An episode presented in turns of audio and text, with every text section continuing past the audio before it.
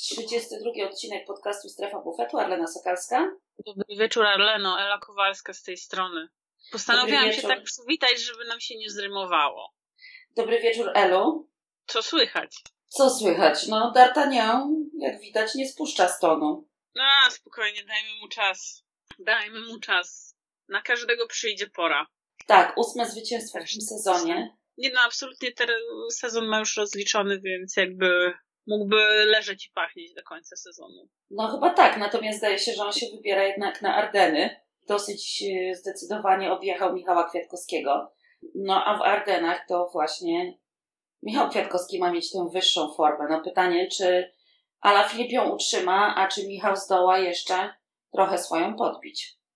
Mi się wydaje, że Michał zdoła swoją podbić, natomiast kurczę, to, co do tego D'Artagnana, to nie jestem w sumie teraz tego taka pewna, bo, bo jednak chłop idzie jak burza. Obawiam się, że może tę formę niestety jeszcze utrzymać. Niestety, no właśnie. Wiadomo dlaczego niestety. No ale pytanie o walońską strzałę. Może w Valverde uda się w tym roku odbić Mirde I z rąk y, młodego Francuza. To już wolę Francuza, młodego. Natomiast muszę powiedzieć, że Valverde zrobił ogromne wrażenie na mnie, na Flandrii. Trzymał się, trzymał się dzielnie, cały czas wypatrywałam tęczowej koszulki, myśląc gdzieś podświadomie Sagan, a patrząc na Valverde. Tym niemniej ta tęczowa koszulka y, była tam, gdzie być powinna, no ale okazało się, że był underdog, jak to ty mówisz. Tak, właśnie to też mi się wydaje, że to jest idealne określenie na Betiola. Wystarczy być Włochem i założyć w odpowiednim momencie mm, różową koszulkę i się wygrywa. No ale co, ja w ogóle myślę, że... że Ale poczekaj, bo musimy to wyjaśnić, tę kwestię różowej koszulki. A. Bo może nie każdy wie, do czego pijesz piję do ostatniego włoskiego zwycięstwa e, na Flandrii. Było to bodajże, o ile dobrze pamiętam e, z tego tweeta 10 lat temu. W 2007 chyba. Troszeczkę wcześniej, przepraszam, ale też wygrał Włoch. Jechał wtedy w barwach Lampre, a Lampre, jak wiemy, miał tak, takie słodkie, e, różowe, cukierkowe koszulki, jak Education First. Wniosek prosty, jeśli, jeśli jesteś Włochem, to musisz mieć atakuj. różową koszulkę. I tak. atakuj. I atakuj. Nie byłaś trochę zawiedziona?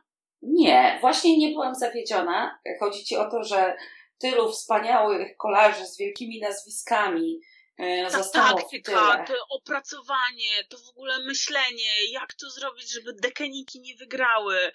No po prostu te rozstrzygnięcia, to budowanie napięcia. A tu po prostu przyszedł taki Betiol i o, wszystkich pogodził prawie.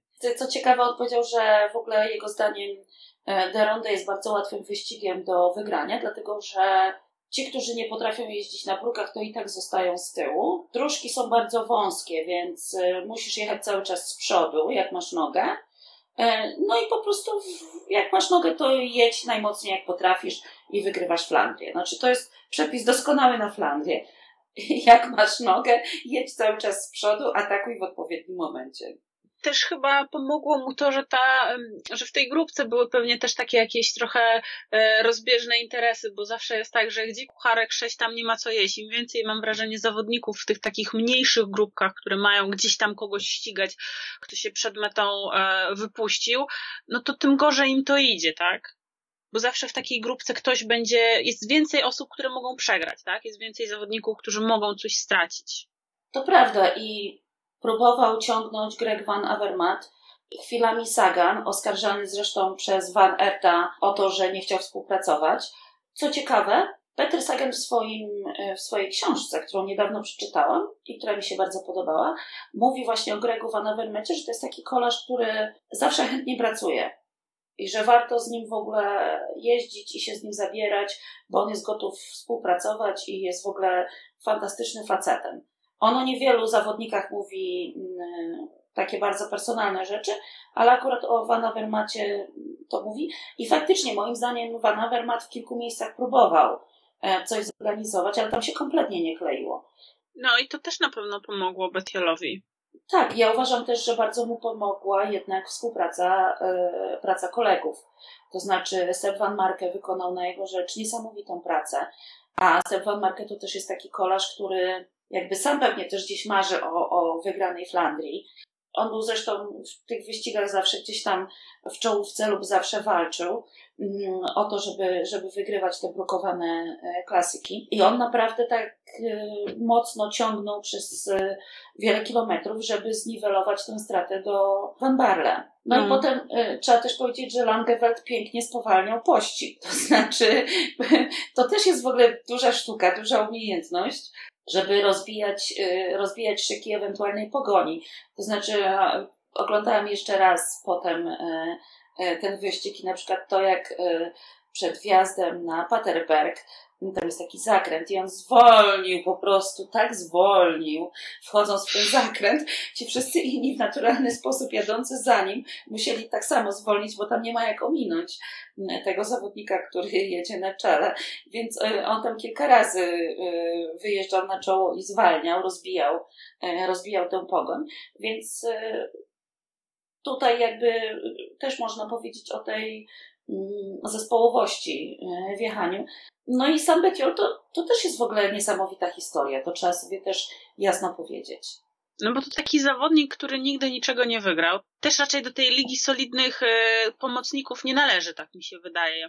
Popraw mnie, o ile się nie mylę. Tak, on bardzo dobrze pracował na rzecz Rigoberto Urana w 2017 roku, kiedy Uran zajął drugie miejsce w Tour de France i był wtedy naprawdę takim bardzo, bardzo ofiarnym i pomocnym um, zawodnikiem. Ja go w zasadzie właśnie z tamtego wyścigu zapamiętałam o wiele bardziej niż z tego trzeciego miejsca w Tour de Pologne w 2016 roku. Po, potwierdzam, że też go nie zapamiętałam z, z tego trzeciego miejsca w generalce w Tour de Pologne. To był ten e, dziwny Tour de Pologne, gdzie Welens wygrał ten taki. W deszczu, to pamiętam. Deszczu. Ten wyścig jechał, sam uciekał do Zakopanego, był etap padało strasznie. To była ten... rzeźnia i bardzo dużo kolarzy zrezygnowało. Bardzo dużo kolarzy się wycofywało, tam były kraksy już właściwie na samym starcie. Betiol zajął trzecie miejsce ze stratą prawie pięciu minut do Tima Valensa y, w całym, w całym wyścigu. Natomiast ja go, szczerze powiedziawszy, nie zapamiętałam wówczas mm, jakoś specjalnie. Natomiast tej pracy dla Rigoberto Urana y, rok później, a i owszem. No i teraz oczywiście wszyscy się dowiadujemy teraz, o tym. Wszyscy zapamiętają. Tak, i wszyscy się dowiadujemy, kim jest Alberto Bettiol, czyli y, mamma di pasta, po taką maksywę. Tak, uwielbia pastę i generalnie miał taki problem, że zawsze przyjeżdżał na jakieś, na te wszystkie obozy z dużą nadwagą, bo jest typowym Włochem, e, bardzo rodzinnym, kocha swoją mamę, a wiadomo, że jak włoska mama, to musi robić pastę. Więc może po prostu zaczęła robić synowi bez e, pszenicy i bez, bez glutenu i mu się po prostu to wszystko lepiej, lepiej trawi, przyswaja i spala. E, Bo z tego odwagi raczej nie widać było na Flandrii. Zrzucił zdecydowanie wagę. Zresztą mówi, że w Education First po raz pierwszy w swojej karierze trafił na takich ludzi, którzy potrafią się z nim dogadać i go dobrze prowadzić. On mówi, że on jeżeli będzie siedział we Włoszech u mamy, to zawsze będzie miał nadwagę. On potrzebuje zgrupowań, obozów. Yy, Kurde, no ale ile lat ma facet? No przecież kiedyś się trzeba z domu wyprowadzić. Są diety pudełkowe, no. No ale wiesz, yy, Włosi mają tendencję do tego, żeby mieszkać Boże. z rodzicami do, co najmniej do 30 roku życia. Więc może on też jest tak przywiązany. E, natomiast to było bardzo, bardzo wzruszające, kiedy on jeszcze tam na mecie łapały go kamery. E, on dzwonił do kogoś, do dziewczyny lub do kogoś z rodziny e, i się spłakał prawie, że nie, nie, nie mogąc uwierzyć w to, że wygrał.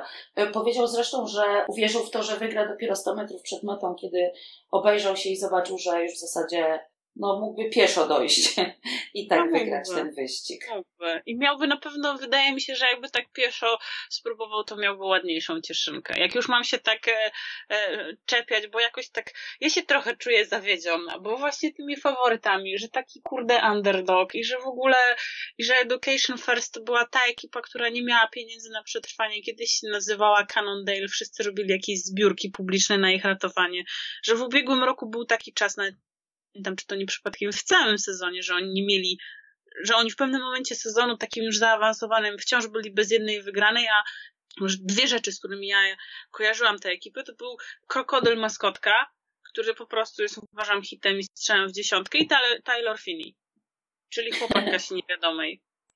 Tak, Największy zresztą... hipster po prostu wśród y, kolarzy. Wiewiór, jak mówi Kasia Niewiadoma. No, coś w tym jest, tak.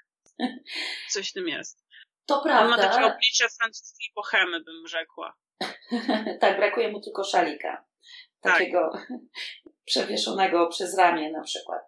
No tak, to jest y, oczywiście ta y, jedna z drużyn, które zajmują mm, jedne z ostatnich miejsc y, w peletonie, jeśli chodzi o finanse i o ich budżet. Natomiast to jest chyba taka drużyna, w której jest jakby taki duch zespołu, co zawsze jest ważne e, w takich kwestiach, bo tak jak mówię, ten Van Marke to naprawdę sobie tam w pewnym momencie wypróżyły. Też mówił Betiol, że e, zaczęli mu krzyczeć do ucha, że jeżeli ma siły, powinien e, zaatakować. I on też właśnie mówił o tym, że to, ta praca którą wykonał Van Marke na jego rzecz, też była dla niego takim motywatorem. I mówił, że kiedyś już e, wypadł na asfalt po e, kwaremoncie i zobaczył, że nikogo za nim nie ma, no to już wtedy pomyślał, że, że no ile fabryka dała. No a potem był jeszcze Paterberg, gdzie też łatwo nie było przecież. Więc jednak mimo wszystko ja uważam, że on był y, najsilniejszym kolarzem na tym wyścigu. Niektórzy mówią, że silniejszym kolarzem na tym wyścigu był Matthew Van Der Poel, który się no, tak, koncertowo tak, wypierniczył. Koncertowo się wypierniczył, ale też bym właśnie polemizowała z tym stwierdzeniem może, że wygrał tutaj najsilniejszy zawodnik, tak? O, i właśnie w tym momencie przyszedł Frum. tak, zasłaniając cały ekran. Jeśli chodzi o te Flandry, to ja właśnie liczyłam trochę na tych przełajowców. Rzeczywiście Van der Poel nie miał, pierniczył się koncertowo, na własne życzenie zresztą. Jak ktoś napisał na Twitterze, za dużo przełajów. Za dużo przełajów. Tak, On zresztą tam jeszcze, tak, jeszcze potem miał chyba taką niebezpieczną sytuację mm, w dalszej części wyścigu, kiedy już tak. był w tak. tej grupie faworytów. Gdzie też się tam prawie, prawie się wywalił, no. Ja też się zastanawiałam, bo mówię, jestem świeżo po przeczytaniu tej książki Sagana i Saganowi ktoś tam mu powiedział, że mm, on nigdy nie, nie będzie dobry na wyścigach y, brukowanych, ponieważ y, tacy zawodnicy jak na przykład Tomeke, czyli Tom Bonen, to nie ma fruwali nad tym brukiem. Unosili się nad tym brukiem na tych swoich rowerach. Natomiast Sagan, tak, tak Saganowi powiedziano, że on jedzie tak siłowo, że mu się wiecznie będą zdarzały defekty, bo on po prostu wali tymi kołami. tym rowerem, tak. Tak. Wali tymi kołami w te, w te kostki brukowe i że on zawsze będzie miał defekty, przebicia i tym podobne rzeczy. E, natomiast ja. Ewentualnie kurtki na trasie bardzo groźne. Natomiast ja patrząc na Betiola, w tym ataku właśnie i potem jak pokonywał Paterberg, to miałam wrażenie, że on właśnie jest raczej z, tym, z tych kolarzy takich płynących e, na tym bruku. On jest dosyć ciężki mimo tej utraty wagi, mm, bo jest to kolarz postury e, Toma Di Mulena, jak sprawdziłam. Jest od niego odrobinę niższy. Ale pewnie tak, waży tyle samo co on. Tak, waży, waży mniej więcej tyle samo co on. Więc no to jest kawał, kawał zawodnika, o można w ten sposób powiedzieć. I właśnie była imponująca ta jego lekkość w pokonywaniu tych podjazdów. I też zawodnicy, którzy byli w tej drugiej grupie, między innymi chyba właśnie Van der Poel i Van Aert mówili, że oni chcieli za nim pojechać, ale nie dali rady, jednak mimo wszystko. By the way, to Greg Van Avermaet, opisywany przez Sagana jako miły człowiek, yy, trochę się nie popisał, jeśli chodzi o yy, Betiola, bo powiedział o nim, że zawsze miał go, oni razem jeździli w BMC. Tak, yy, przez tak, rok, przez jeden sezon. Powiedział, że zawsze miał go za takiego trochę lenia i tłustego gościa. No, to tak jak ja tak eufemistycznie określiłam, takim pomocnikiem nie, nie, nie z najwyższej ligi. Jak widzisz, e, linia programowa się zgadza. Sagan mówi ciekawą rzecz w swojej książce, bo mówi w pewnym momencie, że e, gdyby wyścigi mieli wygrywać. Tak, ale gdyby wyścigi mieli wygrywać e, kolarze najmocniejsi, to na przykład z tęczowej koszul, koszulki cieszyliby się tacy ludzie jak chociażby Maciej Bodnar albo, Markus Burchardt. Mi się wydaje, że po prostu Betiol jechał w tym e, wyścigu też no, zdecydowanie bardziej ekonomicznie niż na przykład kolarze, którzy byli w tej grupie pościgowej, tak? Więc zapewne też to sprawiło, że też, też to, że on nie był postrzegany, że to był taki underdog, tak? I że, że niektórzy patrzyli na niego przez pryzmat lenia i, i tłustego gościa, tak? To też przypuszczam, że raczej tak, no, nie przypuszczano, że, że gdzieś tam może być może kilku zawodnikom, być może kilku zawodnikom, jak chociażby Wana Wermatowi, gdzieś tam błysnęło w głowie, że nie warto za nim jechać na tym kwaremoncie, bo za chwilę go wszyscy dogonimy wspólnie, tak? I że to po prostu się nie opłaca. A tu proszę bardzo. Niespodzianka, surprise, surprise. Marcin Sapa, taki mistrz ucieczek, zawsze jak go pytali, dlaczego ciągle ucieka, to mówił, bo kiedyś mnie nie dogonią. To nie ryzykuje, ten nie pije szampana i nie je kawioru, no. to prawda, to prawda. Grałam ostatnio e, w Monopoly ze swoim siostrzeńcem, który ma 6 e, lat i właśnie tak żartobliwie rzuciłam tym hasłem, że kto nie ryzykuje, ten nie pije e, szampana. I młody w którymś momencie dziadek go o coś tam zapytał, czy w coś grali i właśnie młody rzucił hasłem, kto nie ryzykuje, ten nie pije szampana. Dziadek na pewno był w niebozie. Więc demoralizuje małolatów. Ja już może się pozbędę tego kota. Frum, idź sobie. O, już temat Flandrii się skończył, to stwierdził, że idzie. Education First może się cieszyć z tego sukcesu Betiola jeszcze z jednej przyczyny, gdyż albowiem zarobi dosyć cenne punkty. Patrząc na to, co się dzieje na plany UCI, mogą być to bardzo cenne punkty. Zarobione przez nich z kolei są ekipy, Ach, właśnie, bo nie powiedziałeś Moniki Terpstrze. No Też właśnie. mi go było szkoda.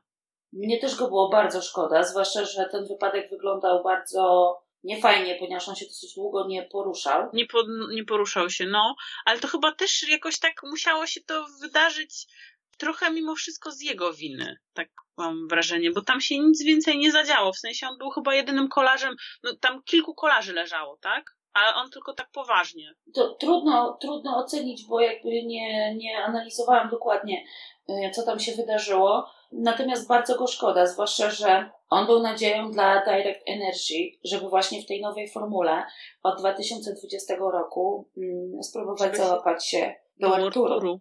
A jemu teraz odpadnie Paryż-Roubaix też, więc... Tak, zapowiedziano, że nie wystartuje z powodu y, urazów głowy, y, czy tam wstrząsienia mózgu.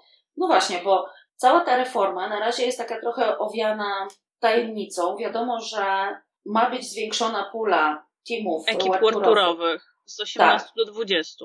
I to dlatego, y, że chcą chronić te teamy worturowe, które mają najmniej punktów i nie chcą, aby one po prostu spadały do tej niższej dywizji, czyli do ekip prokontynentalnych. One początkowo miały spadać do tych ekip prokontynentalnych, tylko UCI się wystraszyło. Tak, i dlatego zrobiło te 20 i to właśnie miałam na myśli. UCI się wystraszyło ewentualnych pozwów, bo to jest to, o czym już kiedyś mówiłyśmy zresztą w podcaście. Jeżeli sponsor chce mieć drużynę werturową, to sponsoruje drużynę werturową. I... A nie proskontynentalną. Dokładnie i w takim momencie y, spadek jakby z tej z do Proconti dla wielu drużyn mógłby oznaczać po prostu koniec istnienia. Koniec istnienia. No. Mm, I o tym bardzo fajnie też mówi właśnie Patryk Lefebvre, że cały czas te reformy UCI idą w bardzo złym kierunku. No a jak nie wiadomo o co chodzi, to, to chodzi o pieniądze. Lefebvre mówi, że to my mamy aktorów, my, czyli szefowie czyli teamów, ekipy. i my tym aktorom płacimy, a w zamian nie dostajemy w zasadzie nic. A przede wszystkim cała batalia toczy się o prawa. Prawa telewizyjne. Tak, o kasy spraw telewizyjnych. No bo umówmy się, tak? Piłka nożna, koszykówka, tak? Y, siatkówka. W zasadzie każda z tych dyscyplin dostaje jakąś część, jakaś część budżetu pochodzi właśnie z kasy, którą dostają od telewizji. Tymczasem teamy kolarskie właściwie wiszą na sponsorach. I bardzo często jest to tak, jak w przypadku, nie wiem, Oriki, czy w przypadku Mm, w tej chwili Ineos, czyli Sky, czy w przypadku pana Miłka, to są po prostu ludzie, dawniej Olega Tinkofa, o którym nawiasem mówiąc Sagan pisze przeciekawe rzeczy. E, to są ludzie, którzy mają troszeczkę, bym powiedziała, takiego pozytywnego e, bzika zakręcenia na kolarstwa. na kolarstwa i po prostu są w stanie wyłożyć na to pieniądze, tak? Podam też za przykład wspomnianego przez ciebie Olega Tinkowa, że jednak w pewnym momencie mu się po prostu, no, odwidziało, no. Tak samo jak się na przykład odwidziało panom Zakła Blue Sport. Odwidziało im się dosyć nagle. I tak, bardzo często bywa też, wspomniałaś o tym, że Cannondale organizował wręcz zbiórki publiczne po to, żeby... Żeby przetrwać. Ostatecznie moi... im się udało, y, bo dalej są. E, natomiast to w dalszym ciągu jest tak, że nie wiem, w ubiegłym roku chociażby E, właśnie Lefebvre z Dekenikiem, dzisiejszym też Dekenikiem. Przecież, tak, też przecież miał bardzo duży problem ze znalezieniem sponsora, tak? I ostatecznie znalazł go dosyć późno. Co prawda, wszyscy podejrzewali, że jednak jakiś sponsor dla teamu, który miał najwięcej zwycięstw w sezonie, się znajdzie. E, natomiast z teamu odszedł chociażby Gaviria. No i Terpstra na przykład. I na przykład Terpstra, tak. Czy generalnie w ogóle e, sposób finansowania tych e, ekip kolarskich, no to masz w zasadzie tak, albo tacy sponsorzy jak Dekening, czy Sky, czy Ineos, albo wspomaganie też przez e, jakieś federacje narodowe, tak? Z tego co pamiętam, to właśnie Orika, dawna Orika na pewno miała jakieś wsparcie z, z tej federacji kolarskiej australijskiej i tam też był biznesmen, dosyć mocno zakręcony na punkcie e, kolarstwa, no albo właśnie masz e, takie jednostki, tak, bardzo, bardzo bogate, które wykładają na to pieniądze, ale w momencie, kiedy nie masz, kiedy cały czas wykładasz na to pieniądze i nie masz zwrotu w postaci zwycięstw i wygranych, bo okej, okay, jakby wyścig to jedno i to, że masz tę ekspozycję na w zasadzie Marki. cały świat, marki, i tak, co w przypadku niektórych firm jest bardzo, bardzo, bardzo cenne. No ale jak nie wygrywasz, no to w zasadzie na wyścigach to się tak naprawdę nie zarabia. A propos zarobków, no to y, też już abstrahując od y, tej gigantycznej y, dysproporcji w zarobkach. Czy tak naprawdę zarobki w ogóle, jeśli chodzi o, teamy kolarskie, to lwia część budżetu, tak? Bo w momencie, kiedy masz do opłacenia e, ponad 20 kolarzy, masz do opłacenia załóżmy to taka minimalna mi się wydaje liczba. Drugie tyle e, osób pracujących e, jako obsługa, plus jeszcze jakaś obsługa biura, e, jakaś pani od logistyki, która bukuje bilety, dyrektor sportowi, tak, zarządzający, no to to jest 80-70% budżetu. Kasa na wypłaty, tak.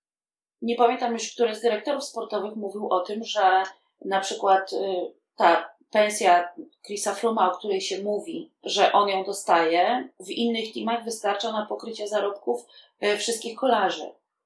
No ale to też daleko szukać, to w treku tak było, jak jeszcze Cancellara jeździł, że jego pensja wynosiła jakby 45% budżetu całego na pensję, tak? No to można e, dać ten przykład właśnie Education First, o to, co rozmawiałyśmy o Betiolu i o tym, że, że jednak oni stawiają na taki Team Spirit. No to też albo możesz stawiać na Team Spirit, i mieć po prostu kolarzy mniejszego kalibru, którzy może ci odpalą tak jak Betiol, albo możesz mieć po prostu no, ekipę, która ma na przykład jednego mocnego lidera, tak? którego gdzieś tam wystawiasz na, na wyścigi. Betiol zarobił 20 tysięcy euro za zwycięstwo we Flandrii. Właściwie to zarobił jego team, bo zwyczajowo kolarze nie biorą sami pieniędzy za zwycięstwa, tylko, tylko to jest dzielone. Team. Tak, i dostają, dostaje część oczywiście zwycięzca, część dostają e, jego koledzy z zespołu, a jakiś tam e, część procenta dostają również masażyści i mm, opiekunowie kolarze. Dokładnie tak, więc są to pieniądze bardzo małe. Asgren zarobił 10 tysięcy euro, a Krzysztof 5 tysięcy euro. Dla porównania Marta Bastianelli, bo trzeba powiedzieć, że to był włoski dzień e, we Flandrii, bo żeńską odmianę Flandrii wygrała właśnie Bastianelli pokonując Van Floyten, co też jest e, niezłym wyczynem, nawiasem mówiąc. I ona, słuchaj, dostała 1265 euro. Przepraszam, że to powiem, ale za taką kasę nie chciałoby mi się jechać w Flandrii. No właśnie. Van Floyten dostała 935 euro, Ludwik dostała 625 euro ta kwestia tego finansowania tych ekip kolarskich, to też mam wrażenie, że jakby się przy... mieli, mieli, mieli, mieli od lat.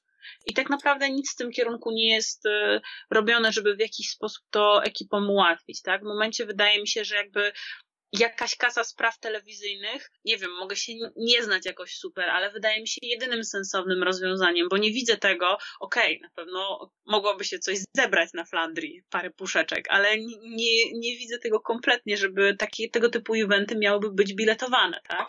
Był kiedyś pomysł, żeby coś tam wybiletować. Zdaje się, że meta w Innsbrucku mm, w pewnym miejscu była biletowana dla VIP-ów. No nie, nie widzę tego, no. No trochę to się kłóci z duchem kolarstwa. Oczywiście można e, ewentualnie zarabiać na tych takich e, namiotach VIP-owskich, tak jak to na Flandrii widać było, że tam są te namioty, e, gdzie pełno VIP-ów. No właśnie, ale pytanie jest, kto zarabia na tych nami- na, namiotach? Czy konkretnie nie, no to też mi się wydaje, że zarabia że, organizator, czyli na Oczywiście, przykład że organizator. France, ASO, tak? I kasa tak. idzie do ASO, tak? By the way, przypomniało mi się, ponieważ e, Sagan miał wypadek e, przy tych właśnie niedaleko tych namiotów VIP-owskich, kiedy zaczepiło tę kurtkę i co się okazało? Że tę kurtkę e, powiesił znajomy Macieja Bodnara. I Sagan sobie wymyślił, przypadkowo oczywiście, to wyszło dopiero później. I Sagan sobie nawet wymyślił, że on by dał temu panu swoją tęczową koszulkę, a wziąłby od niego tę kurtkę na pamiątkę. Ale ostatecznie do spotkania nie doszło i do wymiany. A to pokazuje tryb myślenia Sagana. Wezmę sobie tą, tę kurtkę, przez którą się wywróciłem, wezmę sobie na pamiątkę. Jeszcze na dodatek, zdaje się, że Niki Terpstra tego dnia rozjechał mu jego ukochane okulary. Boże, no i karma Nikiego, tak mówiąc, tak, to może się nie śmiejmy, ale karma coś musiało być. Sagan rzucił na niego jakąś klątwę. To nie była klątwa tęczowej koszulki, tylko klątwa człowieka w tęczowej koszulce. Tak, nie zadzieraj z Saganem. Natomiast podsumowując temat tych ekip, to jest dokładnie tak, jak mówi Lefebvre, że organizatorzy wyścigów, czy ta, czyli tak naprawdę pije do ASO, czyli organizatora Tour de France um, oraz UCI, trzyma teamy kolarskie za pewną część ciała, którą e, Lefebvre wymienia. I na razie którą widać... bardzo lubił Tom Bonen, wymieniać również. Tak? No, czasami nie musisz mieć planu. Aha, okej. Okay.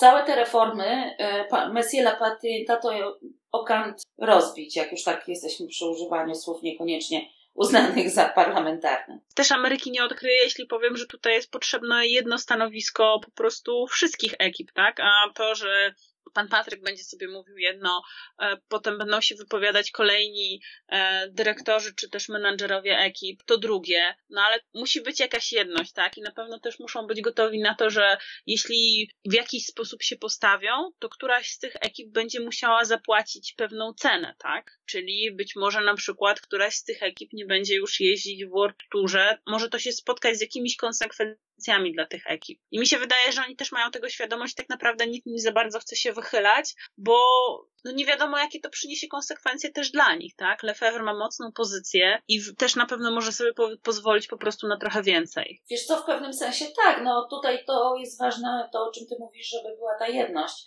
a tu jednak też pewne interesy wydaje mi się, że mogą być różne w tej walce z ASO i w walce e, teamów z UCI. To trochę tak jak w tej grupce pościgowej za Betiolem. We Flandrii, że jednak te głowy chodzą na prawo i lewo i każdy tylko patrzy, żeby, żeby to ktoś ty, się ruszył. To ty, to ty się rusz, to ty się rusz. Mnie już szczerze powiedziawszy, to nawet trochę, trochę męczą te tematy, bo to jest tak maglowane od lat, od lat, od lat i od lat się nic nie zmienia w tej kwestii, tak? Od lat jakby też rozumiem, że jest pewnie trudno zmienić coś w tej kwestii i przejść z tego modelu opartego czysto na dotacjach, donacjach i... I, I fanaberiach sponsorów. No ASO się powinno może trochę podzielić. Ile można trzepać hajsu? Dopóki UCI nie zmieni, nie zmusi ASO do tego, żeby, żeby jednak nastąpił jak, jakieś podziałkowanie, to, to nigdy nic nie nastąpi. Ja się zastanawiam, czy ta mm, wojna, którą tak naprawdę rozpoczął y, przed ubiegłorocznym Tour de France, y, czy dyrektor Tour de France, pan Prudhomme. Czy to właśnie nie był jakiś element jakiejś wojny podjazdowej, która gdzieś między UCI a, a ASO jest od dawna? No i na razie powiedzmy tak, UCI wygrał, ale myślę, że ASO nie powiedziało jeszcze ostatniego słowa. Kto będzie, kto poniesie największe konsekwencje? Ekipy kolarskie i kolarze. Oczywiście, że tak to jest najbardziej kuriozalne e, w tym wszystkim. Jeszcze biorąc pod uwagę fakt, że tak naprawdę ten kalendarz e, startów się wydłużył, też w dużej mierze przez ASO, tak, bo oni mają różnego rodzaju wyścigi organizowane. Nie tylko, to nie jest tylko Tour de France, tak? Ale też wydaje mi się, że na przykład jak oni mają te swoje kryteria e, w Japonii, na które zapraszają zawodników, właśnie tych zwycięzców Tour de France, tych zawodników, którzy się tam pokazywali, to mi się wydaje, że ci zawodnicy nie jadą tam za darmo. W sensie, że też ekipy kolarskie nie jadą tam za darmo. No. One są płatne. To są te kryteria, które są zarówno tutaj w Europie po zakończeniu Tour de France, gdzie dzieją się takie rzeczy, że nie wiem, Chris Froome na, w sprincie ogrywa Petera Sagana na kryterium ulicznym. Ha, ha, ha. Cóż za tak. atrakcja. I podobne no rzeczy dzieją się w Japonii. Natomiast tak czy owak, to ten kalendarz y, webturowski się znacznie wydłuża i, i skutkiem tego wydłużenia jest chociażby to, że w tym roku Giro d'Italia zaczyna się dopiero 11 maja. Tak, Więc wszystko będą jest... grody, jakoś w okolicach grodów piastowskich to będzie. Tak, ale chodzi mi o to, że wszystko jest jakby tak trochę przesunięte. To wszystko przez te wyścigi na, e, tam w tym rejonie świata, których ty nie uznajesz też. To prawda, bo one też wypycha, rozpychają ten, ten kalendarz, e, bo zazwyczaj było tak, że Paryż-Roubaix nie było w połowie kwietnia, tylko gdzieś tam, nie wiem, 6, 7, 8, jakoś tak, a tym razem 14. I tak samo z innymi wyścigami. No trzeba je było jakoś po prostu poupychać. I tyle. Była święta niedziela, będzie teraz niedziela w piekle. I ja chyba wolę tę niedzielę w piekle. To nie, ja zawsze bardziej lubiłam Flandrię, ponieważ yy, o ile Betiol uważa, że przepis na Flandrię jest prosty, że musisz jechać cały czas z przodu i jak najmocniej, to ja uważam, że tak się wygrywa Paryż-Roubaix. To znaczy, trzeba być z przodu, nie mieć defektu i jechać ile fabryka dała. Też cię wytrzęsie po tych brukach. Ciekawie Sagan opisuje, y, opisuje Paryż-Roubaix, że jak się wyjeżdża z bruku na asfalt, y, to horyzont y, przestaje być jak zapis wariografu. Tak, i raptem robi się strasznie cicho. E, natomiast on też w swojej książce ciekawą rzecz opowiada, mianowicie, że na tym Paryż-Roubaix, który on wygrał. Na którym ograł tego biednego, niedoświadczonego Szwajcara. No nie takiego niedoświadczonego, ale to zaraz powiem. E, to on miał defekt kierownicy i próbował... Boże, ten... jaki Superman. Tak, i on próbował ten defekt kierownicy naprawić, czyli próbował, uderzając swoim kołem e, w koło tego e, Walajsa i tamten za drugim razem był już mocno wkurzony. No nie I dziwię się. Sagan mu cały czas mówił, że sorry, coś, mi się, coś, coś się ze mną złego dzieje, żeby, jak mówi, nie dostać e, w twarz od niego. Natomiast na szczęście objawił się Fus, pora Hansgrohe, i pytają go, co chcesz pić, bidon, kanapkę. On mówi, nie, imbus numer cztery. E, I jak mówi, jest to klucz dodawany do wszystkich y, mebli w Ikei. Ten I on, tak? Mamy ten imbus. bardzo dużo. Tak, i to jest właśnie ten imbus. Oczywiście sam za, za chwilę sobie tam wszystko zakręcił. Natomiast wracając do tego Diliera, to Sagan mówił, że w którymś momencie zrozumiał, że ten Dilier jedzie razem z nim i on tak to opisuje, że wiedziałem, że on myśli, że może ten wyścig wygrać, bo dawał mu zmiany i z nim współpracował. Nie wiózł się na jego kole, czuł się mocny. Tak kombinował Sagan. Dojeżdżając już tam do velodromu, intensywnie myślał nad tym, jak zrobić, y, jak przeprowadzić finish, żeby mu się udało. Byłam wtedy za Dilierem. No i on jakby trochę, jakby zmusił tego Diliera do podjęcia... Tego, żeby wcześniej zaatakował. Tak, tak do podjęcia sprintu. No. Bardzo fajnie Sagan też mówi o przegranym przez siebie Mediolan Sanremo, przegranym z Michałem Kwiatkowskim. Mówi w ogóle o Kwiatkowskim ten nieznośny kwiato, ale mówi też, że to był najpiękniejszy wyścig, który on przegrał. Że to był w ogóle fenomenalny sprint Kwiatkowskiego. E, on to w ogóle opisuje w takim właśnie, że ten sprint był perfekcyjny. Potem mówi, ale nie był mój. E, więc tak oddaję Kwiatkowskiemu tutaj bardzo takie miłe to, słowa. To co Kwiatkowskie. Tak, to co Kwiatkowskie. I potem mówi coś takiego, e, co mnie się bardzo spodobało. Wolę przegrać świetny wyścig niż wygrać nudny. To też takie sagan. To z kolei takie saganowe. Takie saganowe, tak. I bo potem w innym miejscu odnosi się znowu do tych słów i mówi, yy, chyba, że wygram jakiś wielki wyścig, który będzie nudny, to może zmienię zdanie. Typowy Sagan po prostu. No. Tak. Muszę przeczytać tę książkę, chociaż tak jak mi ją zaspoilerowałaś, to nie wiem, czy jej nie zwrócę do księgarni. Nie, nie, nie. Ja zdradziłam tylko ułameczek te, tych y, śmiesznostek, ciekawostek, które są w tej książce. I wbrew temu, co twierdzą niektórzy, że ona jest taka napisana takim językiem niesaganowym, to ja się z tym z, zgadzam się, że momentami to jest takie niesaganowe. Natomiast jest bardzo wiele sagana, jest bardzo wiele ciekawych spostrzeżeń na temat y, sprintów, własnej techniki jazdy, swoich zwycięstw na Mistrzostwach Świata i tak dalej, i tak dalej. I moim zdaniem bardzo warto ją przeczytać. No dobrze, to przeczytam w takim układzie. Wszystkim słuchaczom też polecam. Co? I na tym chyba będziemy kończyć. Poczekaj, ja tu jeszcze przygotowałam pewną listę. Ja będę czytać nazwiska, a ty mów, czy mają szansę na zwycięstwo w Paryż-Roubaix. No dobra. Trentin. Nie, moim zdaniem. Philippe Gilbert.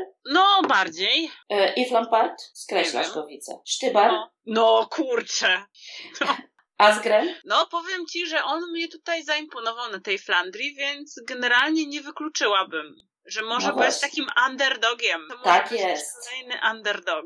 On taki E. duży jest w ogóle. I szybki. No. Tish Beno. A ty co myślisz o Tiszu? Wiesz co, no to jest taki kolarz, który pewnie będzie, jeżeli się tylko nie wydarzy nic takiego niespodziewanego, to on w tym wyścigu, no, może się pokazać, ale żeby wygrać, to chyba nie. Nie wiem, czytam dalej. Neasen, No, a niech stracę, że może. że może. On był chory we Flandrii, to tak trochę, No. ta, ta Flandria była niemiarodajna. Właśnie, oto, oto tak. Może się dokuruje dzieciaczyna. Dillier, Nie, jednak kurczę, no jakoś tak. Boniek podpowiada, że nie. Sagan, Kurde, ciężko Sagana ocenić z tą formą. Ciężko cokolwiek jakoś tak. e, A jakby tutaj odpalił? Może odpali. Paci po, czyli jego taki, już w tej chwili nie trener, bo jego trenerem jest Sylwester Schmidt, we ostatni Gregario, powiedział, że na pewno trochę choroba, ale nie do końca choroba, jeśli chodzi o Sagana. Więc no nie wiadomo. Dalej, Van Art, A niech ma. Postaw... Bo kurczę, bo tak, bo musi odkupić swoje winy za Flandrię, żeby coś tam ci przełajowcy jednak zrobili, no. Van Avermaet, No, raczej tak, tak, tak, tak. Przecież Van Avermaet już wygrał zresztą. y, Paryż-Roubaix, tak. Van Także on już ma kostkę bruku, ale druga kostka bruku też by się mogła przydać. Krzysztof? Nie wydaje mi się, że za ciężki. Sagan mówi o Krzysztofie, że on się ciężko rozpędza, ale jak już się rozpędza, to jest jak myśliwiec odrzutowy na finiszu. Kogo my tu jeszcze mamy? Luke Rowe, Van Barle, Moskon. Właśnie byłam bardzo ciekawa, szczerze powiedziawszy, tego Skaja na, em, na Flandrii. No i tak powiem ci, że Szału nie było. jakoś tak nie. No, nie widzę, nie widzę mimo wszystko panów ze Sky, którzy mogliby tam z tym brukiem się pojawić. I teraz uwaga, Education First, czyli Van Marke, Langeveld. Nie, ja w ogóle na Education First to jakoś tak. A ten Van Marke, no i jeszcze został nam Degenkolb. Ewentualnie Stuyven, Streka. No, Degenkolb już raz wygrał.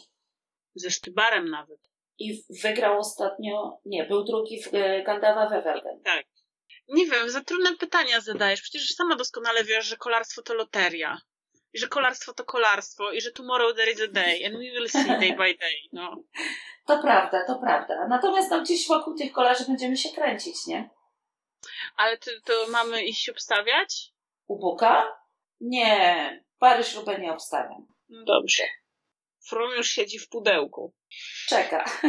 Czeka, aż go pociągną po brukach. No dobrze, a co tam u twoich dzielnych y, zawodników CCC Development Team? Tym razem ścigali się w Polsce, prawda? Tak, ale jeszcze dzień wcześniej ścigali się w Volta Limur Classic i to był taki bardzo, bardzo pagórkowaty wyścig i bardzo taki intensywny, bo cały czas ktoś odjeżdżał, cały czas peleton gonił i, i było bar, bardzo mocne tempo tego wyścigu. E, Trzynasty był tam Kamil Małecki i ścigaliśmy się też na mnichu.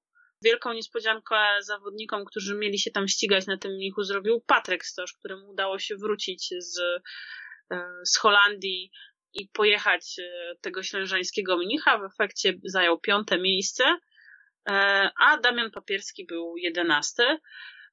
Teraz niedługo szykuje się. A wygrał Adam Stachowiak. Tak, wygrał Adam Stachowiak. E, Teraz szykuje nam się zgrupowanie w Zieleńcu, na które pojedzie część zawodników, a kolejni zawodnicy, ta druga część, ta druga połowa, młodsza połowa, młodsi będą się ścigać w Bośni i Hercegowinie i na Belgrad Banja Luka i potem e, w Chorwacji. Także to nas czeka w najbliższym czasie. No, a my tymczasem, o, Frum coś tak, powiedział. Właśnie, nie, właśnie chciałam powiedzieć, że przyszedł Boniek i kazał już kończyć, bo chyba cisza nocna i trzeba puszkę A, to był Boniek. Tak. No dobrze, y, w takim razie co robimy? Oglądamy Iculię. Ale Iculię jeszcze w tym tygodniu. A, tak, tak, tak. Bo tak. Michał Kwiatkowski ma po prostu jakiegoś ten wyścig jest dla niego jak jakiś fatum. On na tym wyścigu zawsze zajmuje trzecie albo drugie miejsca. I ile on ma drugich i trzecich miejsc na podium etapowych, to ja nie potrafię policzyć. I znowu był dwa razy trzeci. No może się przełamie i w końcu ogoli jakiś etap na tym wyścigu. Pomyśl sobie, co myślą sobie takie Bahrajny mające Dylana Tensa, który się, który wczoraj był bodajże, który no tam był, jedenasty, tak? A dzisiaj się wywalił. Albo na przykład y, Mitchelton Scott od Yatesa. No to jak prawda. Yates dzisiaj stracił. Mogło być gorzej. Nie jest źle. Tak, ale bardzo chciałabym, żeby Michał Kwiatkowski wygrał jakiś etap w najbliższym czasie. Ponoć trzeba mrozić szampana na koniec kwietnia, także możesz Prosecco do lodówki już załadować. No dobrze. To kupimy jakieś Prosecco. Co, Boniuszku? Jakoś tak y, nie znalazło to aprobaty w żaden sposób prezesa. Chyba jest już fokus na puszkę. Myślę, że From jest znacznie bardziej wyczulony na sprawy kolarskie. Prezes w ogóle jest niewyczulony na nic. No dobrze, no to tym optymistycznym akcentem kończymy. Tak, kończymy absolutnie.